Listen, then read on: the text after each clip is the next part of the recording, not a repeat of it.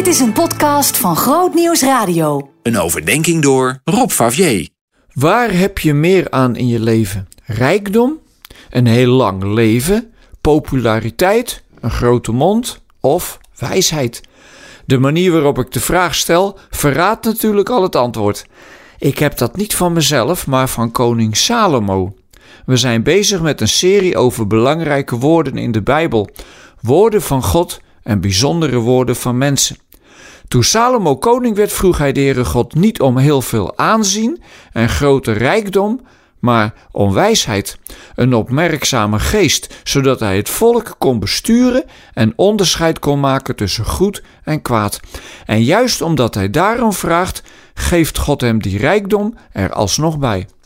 Maar de wijsheid die hij van God krijgt, uit zich al meteen in het verhaal over de twee dames van lichte zeden, die zo ongeveer allebei tegelijk een kind krijgen. Maar het ene kind gaat dood en de moeder verwisselt s'nachts de kinderen. Dit verhaal staat bekend als het Salomons oordeel. De dames beschuldigen elkaar dat ze liegen en hoe weet Salomo nu wie de echte moeder is? Dat blijkt als hij opdracht geeft om het kind dan maar in tweeën te snijden, zodat ze ieder een deel krijgen.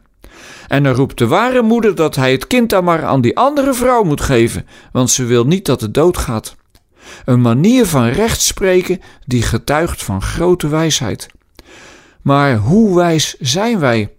Wij rennen onze portemonnee achterna. We denken dat we wijs zijn als we meer aanzien hebben dan een ander, terwijl we vaak zo dom bezig zijn dat we relaties bederven, de aarde bederven en wellicht ook onszelf. Wijsheid is blijkbaar iets dat al deze zaken overstijgt. Wie wijs is, beseft dat hij maar één keer leeft.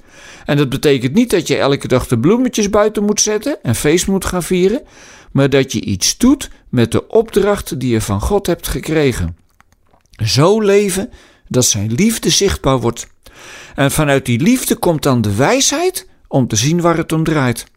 Als je zomaar meerent met iedereen en net zo hard schreeuwt als sommige politici in Den Haag, dan ben je helemaal niet wijs. Dan laat je je tot speelbal maken. Goed om te onthouden de komende weken.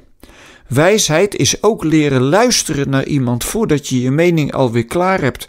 Heb je wel eens van de afkorting Nivea gehoord? Ja, denk je, nu gaat hij nog sluikreclame maken ook. Nee, niks ervan. Nivea staat voor niet invullen voor een ander.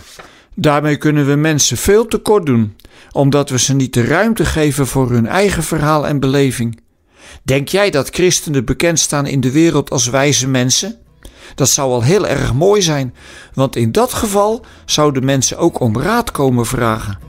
Maar laten we nou eens beginnen in ons eigen kleine kringetje. Wijs zijn vanuit de liefde.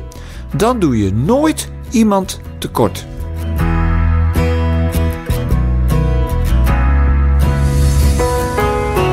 Meer verdieping? grootnieuwsradio.nl/podcast